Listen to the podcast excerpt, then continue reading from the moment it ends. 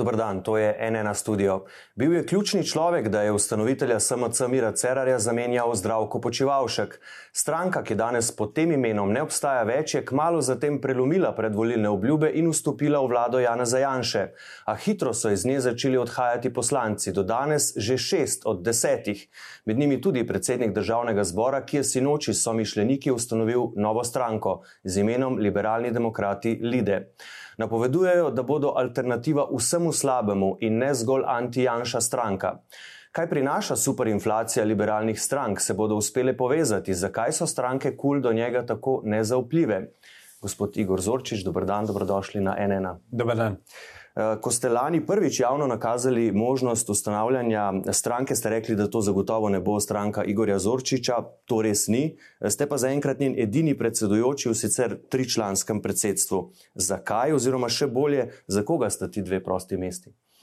Torej, LIDE stranka je stranka, ki je koncipirana in ustanovljena zato, da bo ena izmed pobudnic povezovanja na levo-sredinskem delu političnega prostora kot ste seznanjeni na tem delu političnega prostora, obstaja kar nekaj strank, pa vendarle poskusi združevanja doslej niso bili uspešni.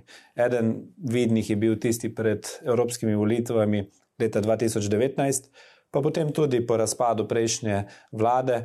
Ampak očitno tam ni pri nekaterih strankah prave želje po združevanju. Jaz mislim, da potrebujemo nekega političnega akterja, ki se bo zauzel za to, da se ta prostor vendarle povezuje in to bo zagotovo stranka Lide.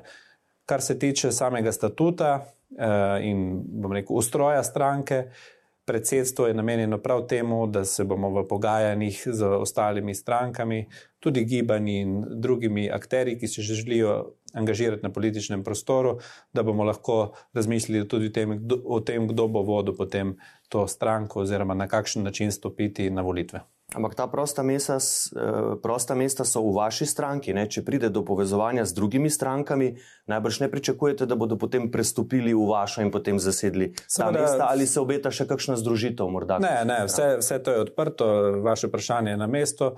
Uh, od, seveda, tisti, ki bodo prišli svojo stranko, bodo zainteresirani verjetno za neko novo stranko, za združitev strank. Tisti, ki pa še nimajo stranke, ki se pogovarjajo danes v okviru civilne družbe, gibanj, eh, tiste, tisti bodo pa imeli možnost stopiti tudi v to stranko. No, ampak časa za to in za morebitno kakšno združitev. Časa, ni veliko, časa ni veliko, ga je, da ne rečem, premalo.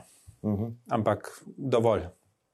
Pa je mogoče potem razumeti, da sta ti dve mesti v predsedstvu za rezervirani, mogoče za gospoda Roberta Goloba, gospoda Ljuba Jasniča? No, jaz si ne bi upal uh, kogarkoli izmed njih uh, že videti na tem mestu, to je seveda stvar pogovorov in pogajanj. Uh, ampak, kot sem rekel, časa ni, ni, ni prav veliko, ga je pa dovolj, če vsi pohitimo. Zakaj pa ste sinočni kongres stranke zaprli za javnost? To ni najbolj transparentno. Ne, naš uh, dejstvo je, da smo v času slabih epidemioloških razmer, uh, da smo morali uh, organizacijo ustanovnega zbora prilagoditi tem okoliščinam, da smo se trudili, da zadevo spravimo po eni strani v okvir audio-video konference oziroma uh, kombiniranega Eh, odločanja, na drugi strani pa, da imamo na sedežu dogajanja čim manj ljudi in to je bil edini namen, da nismo povabili neke široke množice novinarjev in podobnega. Ja, smo pa seveda o vsem obveščali javnost. Ker ponavadi je tako, da smo novinari lahko zraven na kongresih, dobro v tem času je epidemija morda tudi nadaljava, vsaj en del, ne recimo vaša prejšnja stranka, SMC je vsaj en del ne, eh, tega kongresa odprla za, za, za javnost. Lete, nič, nič ni v teh časih epidemije, tako kot je ponovadi. Mm. Med ustanovitelji stranke so nekdanji ministr za zdravje Tomaš Gantar, predsednik Atletske zveze Roman Dobnikar, direktorica Legebitre Lana Gobec. Kdo je še zraven, drži, da gre za ljudi, večinoma, ki so bili nekoč v LDS-u, za res, v SMC? Ni, to ni pravilo. Vsekakor smo podprti tudi za te ljudi, ki imajo neko politično izkušnjo, bodi si na lokalni ravni, bodi si na državni ravni, pa seveda, eh, da nimajo kakršnega koli eh, nahrbnika s kakšnimi kazenskimi postopki in podobno. Skratka, Eh, želimo si, da pritegne, pritegniti ljudi, ki imajo izkušnje, torej, da nimamo samo ljudi z nekimi novimi obrazi, ki bodo vem, po vstopu v državno politiko najprej dve leti iskali VC po državnem zboru. Želimo si, da glede na to, da smo pred velikimi izzivi, stranka, ki bo prišla v državni zbor po naslednjih volitvah, da bo operativna in da bo napolnjena z izkuš izkušenimi kadri. Kakšna pa je vloga Pavla Gantarja, nekdanjega predsednika državnega zbora in Toneta Andrliča, ki še vedno vodi LDS, menda sta bila v nekih pogovorih z vami, oziroma vključena vsaj do neke mere v nastajanje te stranke?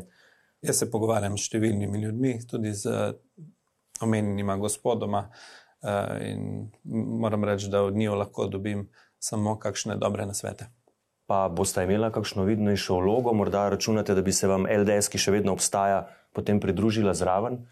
No, jaz nisem prepričan, da, da se boste omenjena gospoda aktivno angažirala v politiki, ampak to je vprašanje za njo. Ja. Drži, da ste takrat, ko je bil gost na Komisiji za nadzor javnih financ pred dobrim mesecem dni, k sebi v pisarno povabili Roberta Goloba? Z gospodom Golobom sva še govorila. Drži, takrat, ko je bil, tako on pravi, ne, ko je bil gost na Komisiji za nadzor javnih financ, ki jo je sklicala opozicija, takrat v državnem zboru, ste ga takrat povabili k sebi v pisarno. No, zdaj, ali sem ga takrat povabil, ali sem ga že kdaj prej, ampak takrat je bil realiziran obisk. Pa Zakaj pa ste ga povabili? Zaradi tega, ker se pač pogovarjam z vsemi, ki mhm. so zainteresirani stopiti v državno politiko. Koliko krat pa ste se potem še pogovarjali? To bom kdaj drugič komentiral. Ampak sva se še, ampak se še. Ja, mhm. Kako verjetno pa je po vaši oceni, da bi se povezal z vami? Jaz to težko ocenim. Bistven, bistvenega pomena je, da se povezujemo tisti, ki vizijo Slovenije v prihodnosti vidimo na enak način. Prav zato smo v stranki Lide dali v spredje naš program, ki je sicer še zelo abstrakten, ampak bo dobra osnova za to, da se potem pogovarjamo tudi z ostalimi, ki se želijo povezati eh, in da najdemo preko tega programa našega torej neke skupne točke. Ta trenutek mi ni znano, eh, s kakšnim programom in s kakšno vizijo bo šel gospod eh, Robert Golob v politiko. Pa v čem se pravzaprav vaš program oziroma načrtovani program razlikuje od programov drugih liberalnih strank, ki jih je v Sloveniji kar nekaj, recimo iz koalicije Kulsta, to SAP, LMŠ, imamo pač tudi nekatere druge stranke, ki se razglašajo za sredinske, liberalne, svobodomiselne in tako naprej. Kar veliko vas je, ne? Ja, res je. Uh, veste, razlika med lidem in uh, drugimi strankami, ki so nastale na tem delu političnega prostora v preteklosti, je v tem, da se njeno bistvo osredotoča okrog tega programa in ne okrog voditelja, po katerem se nekatere stranke tudi imenujejo. Um, zdaj, ta program se razlikuje od drugih programov, je bolj, kljub svoji abstraktnosti, je bolj konkreten in, in um, ponazarja po način našega razmišljanja do posameznih družbenih vprašanj. V katerem delu pa je konkreten? Naprimer, če se pogovarjamo o sociali, uh mhm. -huh. zelo izpostavljeno vprašanje. V programu imamo napisano, da socialno, torej socialne prispevke vidimo kot varnostno mrežo, torej kot sistem, ki pomaga tistim, ki ne zmorejo zaradi okoliščin, ki niso na njihovi strani, ne pa tistim, ki ne želijo delati. E, tako da tu smo nekoliko bolj rezervirani, kot so stranke bolj levo od nas. Na drugi strani smo prikazali tudi svojo afiniteto oziroma svobodomiselne poglede na svobodno gospodarsko pobudo, ne zato, ker bi podpirali ne vem, nek turbokapitalizem sam po sebi, temveč zato, ker ocenjujemo, da je gospodarsko napredna država tista, ki lahko svojim državljanom zagotavlja blaginjo. Pa čeprav smo na eni strani svobodomiselni glede tega vprašanja, še vedno smo postavili tudi eno premiso, kjer smo rekli, da država pa vendarle more biti močna in manj svobodomiselna tam, kjer gre za velike multinacionalke in korporacije, ki družbi ne vračajo toliko, koliko od nje dobijo. Potem nadalje, če mogoče še če omenim še par delov programa, recimo vojska, veliko krat na tapeti v državnem zboru, sprejemanju razno razne zakonodaje, napisali smo, da podpiramo uh, slovensko vojsko in tudi zaveze, ki jih imamo v zvezi s tem. Uh, zdravstvo, veliko krat smo uh, v dilemi, sploh politika. Veliko razglablja o tem, ali naj bo javno ali zasebno. To je seveda pomembno vprašanje, ampak mi smo v ospredje postavili pacijenta. Torej, Ampak tistega... to vse stranke govorijo in vse stranke pravijo, da so za močno ne, javno ne, zdravstvo. Ja, ne? veste, ne močno. In javno. da je pacijent v središču vsega tega. Mi ne, mi ne, mi nismo to rekli. Ne? Mi nismo rekli, da smo za močno javno zdravstvo. Mi smo rekli, da je važen samo pacijent. Torej, tisti, ki, oziroma tisti, ki je zavarovan, za njega je važno, koliko, koliko pač prispeva v zdravstveno blagajno skozi svoje prispevke in kaj dobi za ta denar. Niste pa za privatizacijo zdravstva? Lete, pomembno je samo to, kaj ti kot zavarovanec na koncu dobiš. Bodi si ali je to v neki državni ustanovi ali pa pri zasebniku. Za tebe je pomembno, kot za pacijenta, kdaj dobiš svojo storitev, kako kvalitetne in ali jo boš moral slučajno kaj ali pa ne doplačati. Uh, Politika se pa v uh, zadnjih letih osredotoča samo okoli tega, ali naj bo javno ali naj bo zasebno. Pri tem pravzaprav ne govorimo o pacijentu, ampak o statusu zdravnikov. Zdaj, uh, veliko uh, dajete, oziroma pričakujete od tega povezovanja, zlasti vas zanima, da bi sodelovali z že preomenjenim gospodom Golobom. On pravi, da to, kar vlada Sloveniji danes, ni desničarstvo, ampak fašizem. Se strinjate s tem? Jaz se ponavadi vzdržim eh, tako težkih ocen. Seveda, Veliko krat jih slišimo v državnem zboru v razpravah. Ne, ja, res je. Ampak od mene ne. Pravzaprav zelo redko kdaj izustim to besedo. Namreč, lete, nedavno nazaj sem bil v Avšvicu, zdaj, kar jaz razumem kot fašizem in nacizem, je to, kar, na kar so naleteli zavezniki. Naprimer v tem koncentracijskem taborišču, ko so našli sedem ton las od uh, žrtev. Eh, ki so bile eh, pobite v Avšvicu. Jaz vidim fašizem in nacizem kot nekaj najbolj groznega. No, ampak danes so druge re... pojavne oblike ne, v tem času. Ne, jaz bi rekel tako, ne, mi imamo ta trenutek pomankanje demokracije ne, ali pa. Rekel, uh, oblastnike, ki, se, ki imajo zelo avtoritarne metode, ne? kar pa je še verjetno je kar nekaj predstopen pred uh, kakšnim drugim pojavom. Ampak da se razumemo, takšno stanje, kot je, je problematično in je nazadovanje od tistega, kar smo imeli par let nazaj. Tako da jaz sem prepričan, da potrebujemo oblast, torej vlado, ki je drugačna od te, ki jo imamo danes, ki bo eh, vendarle bolj upoštevala naš ustavni ustroj, spoštovala eh, tožilstvo, pravosodje, svobodo medijev in podobno. Eh, če ne bo te združitve oziroma pridružitve, ki si jo nekako želite, na njo tudi računate, se lahko zgodi, da Lida na volitvah sploh ne bo nastopila. Ali boste nastopili v vsakem primeru? Veste, če ne bo nekega združevanja uh, na tej liberalni sredini, če se bo šlo partikularno na volitve, uh, potem mislim, da bomo gledali še en mandat isto oblast. No, ampak niste mi odgovorili, ne? če ne bo želene povezave, povezovanja, združevanja, boste vseeno nastopili kot samostojna stranka Lide na volitvah? Mi gremo na volitve tudi sami. Uh -huh. uh, veliko govorite o tem povezovanju, ampak že svojih dveh kolegov iz poslanske skupine nepovezanih poslancev, Janja Sluga in Jurija Lepa, niste mogli prepričati, da se vam pridružite. Kaj je razlog? Veste kaj? Eh, dejstvo je, da imamo liberalci dosta svobodne poglede na svet. Očitno uh, Eh, se naše poti ta trenutek eh, nekoliko ločujejo, ampak zdaj, če smo vsi liberalci, bodo prej ali slej spet enake, oziroma bomo na isti poti. Uhum. Pa bo vseeno, ne glede na to, kar pravite, poslanska skupina nepovezanih poslancev skupaj ostala do konca tega mandata državnega zbora? Jaz mislim, da bo. Uhum. Zato, ker je najbrž tudi lažje operativno in uh, vse to. Ne? Če bi vsak po svoje šli, potem bi si morali iskati na novo uh, svojo strokovno pomoč in tako naprej. Tudi ne bi mogli biti več člani uh, odborov, niti tam glasovati.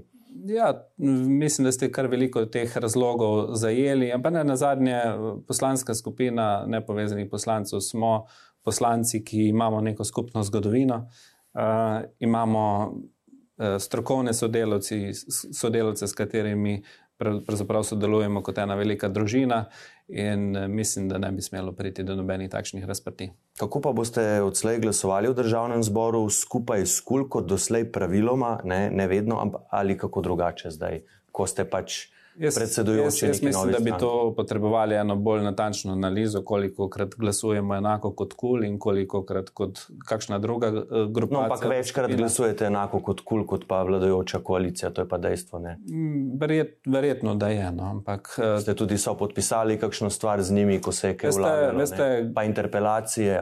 Vsekakor vedno, kadar se odločamo, se ne odločamo zgolj na podlagi vem, nasprotovanja ali pa odobravanja dejanj posameznega ministra ali vlade kot celote, odločamo se v skladu z našimi liberalnimi načeli. Mhm. No, od predsednikov strank KUL vam je javno čestitala zgolj Alenka Bratušek, drugi predsednik liberalne stranke Marjan Šarec pa je do vas izjemno kritičen in poglejmo, kaj je o vas povedal v našem studiu ta teden. Kritični ste do predsednika državnega zbora Igorja Zorčiča, ki prav tako ustanavlja stranko liberalne demokrate Lide, Adam, ampak da vi z njim ne bi sodelovali, ker mu ne zaupate. Kaj pa če se bo povezal z gospodom Golobom, česar si menda želi? Ja, to odgovornost bo potem nosil gospod Golob. Sej on bo se odločal, s kom bo sodeloval, s kom ne bo sodeloval.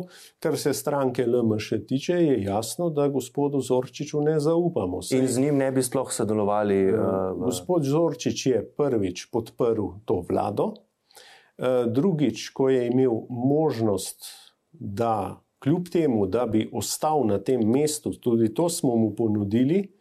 Eh, ne na zadnje smo ga tudi uh, branili v državnem zboru, da je predsednik državnega zbora, kljub temu, da je imel to možnost, se ni odločil za konstruktivno nezaupnico, se pravi, je ohranil to vlado pri življenju. In uh, tudi potem so bila nekatera dejanja takšna, ki niso izkazovala uh, Eh, njegovih uh, namer, da ima res namere takšne, kot, kot pravi.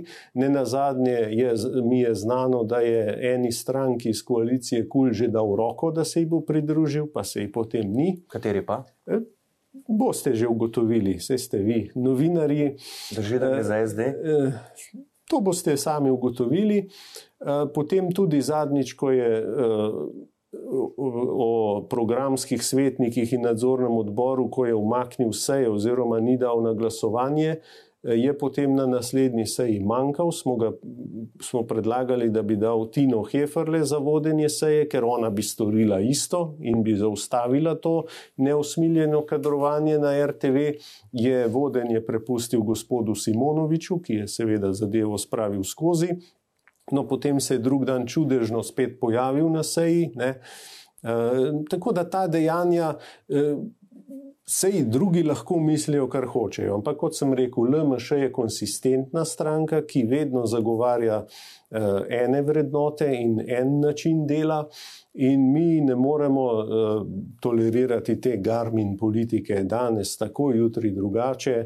Uh, Vse veste, ko se da roka, se da roka. To, to. to so tisti cincari, o katerih eh, veliko govorite. Ja, veliko je takih in pač ugotovili smo tudi po pogovoru s poslansko skupino, da pač gospod Zorčiš ne uživa našega zaupanja. Eh, sem pa že enkrat tudi javno napisal, da eh, pravzaprav nam je bilo takrat kar malo žal vsem. Da smo ustrajali, če bi imeli danes Jožefa Horvata na mestu predsednika državnega zbora, bi vsaj vedeli, pri čem smo. Ne. Tako tukaj pa je neka taka cinca, minca politika. Ne. Gospod Zorčič, cinca, minca oziroma garmin politika, kako odgovarjate na te očitke Marjana Šarca? Teh, eh, ti očitki so verjetno povedo več o njem, kot o meni. Namreč zdaj tukaj je bilo veliko naštetega, ne vem, če se ošvrknem glede programskega sveta, da so predlagali, da bi nekdo drug vodil tisto sejo. To enostavno ne drži. Tisto sejo jaz zaradi zdravstvenih takrat razlogov nisem mogel voditi. Vodil je pa najstarejši eh, podpredsednik, kar predvideva tudi eh, sam poslovnik. E, kar se tiče ostalih navedb, pa tega, komu gospod Marjan Šarec zaupa, pogledajte, on zaupa gospodu Damirju Črnčecu, to je človek, ki je organiziral uh, proteste proti pravosodju oziroma krivosodju, kot ga je takrat uh, poimenoval, ki je bil desna roka Jana Zajanša. Zdaj, če njemu zaupa, pa meni ne, potem ima gospod Šarec verjetno kakšne težave. Eh, v, glede nastopanja v politiki. Ne na zadnje se kažejo tudi v tem, da bi danes lahko bil še vedno predsednik vlade, pa ni, je odstopil. Um, tako da jaz tu nimam skoraj kaj dodati. Jaz mislim, da to ta njegova izvajanja kažejo oziroma govorijo več o njemu kot o komorkoli drugem. On vas izključuje, izključujete tudi vi njega? Ne, ne, lete. Eh, moja vrata in so vrata kabineta oziroma pisarne so vedno odprta, tudi moj telefon, ampak veste, ta način komunikacije kaže na to, da gospod Čarec da ima zelo omejen diapazon eh, političnih akterjev, s katerimi se misli pogovarjati. Kaj pa to, kar pravi? Ste res dali roko SD-ju, da boste prestopili? Ne, nisem dal nobene roke SD-ju.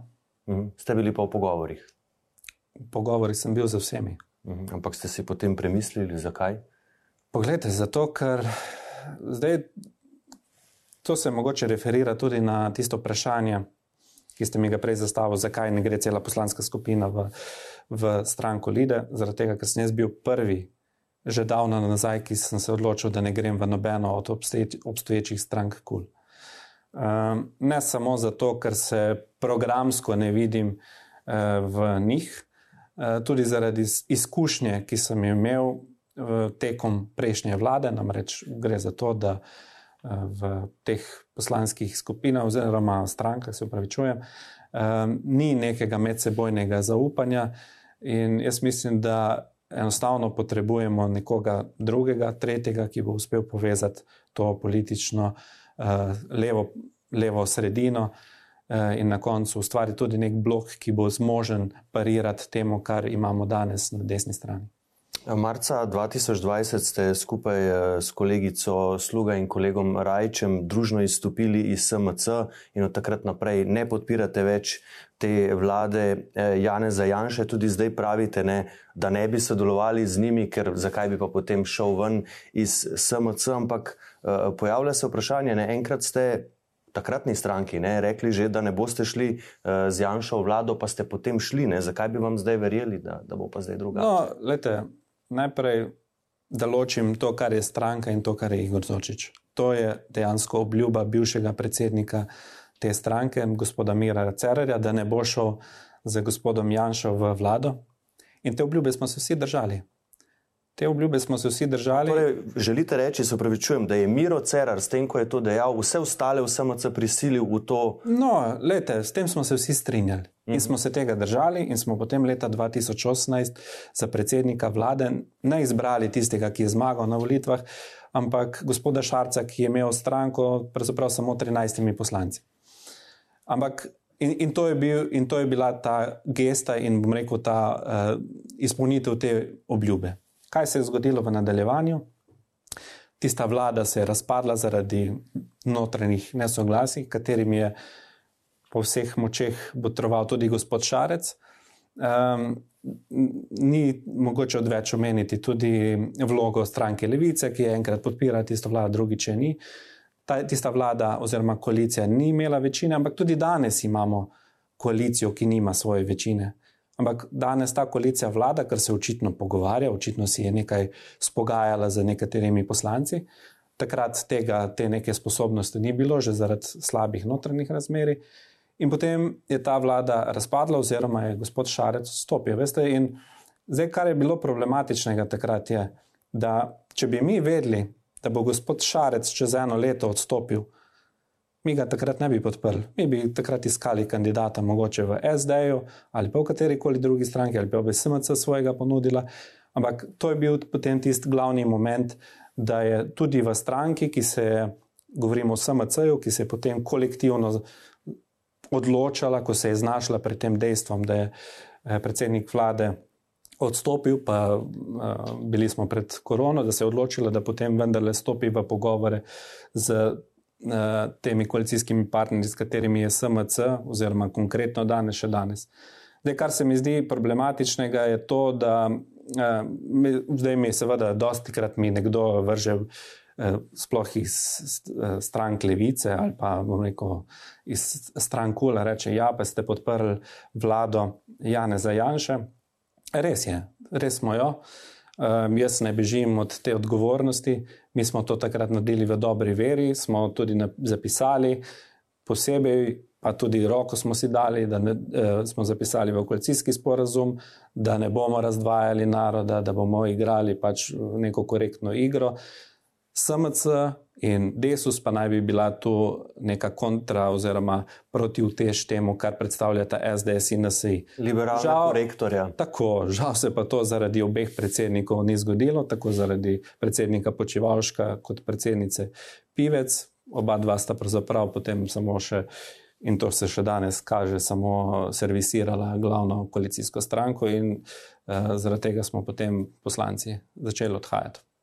Ampak, če vas Janes Janša, če zmaga na naslednjih volitvah, povabi na koalicijske pogovore, kot vedno to stori, vedno povabi vse, boste šli na te pogovore?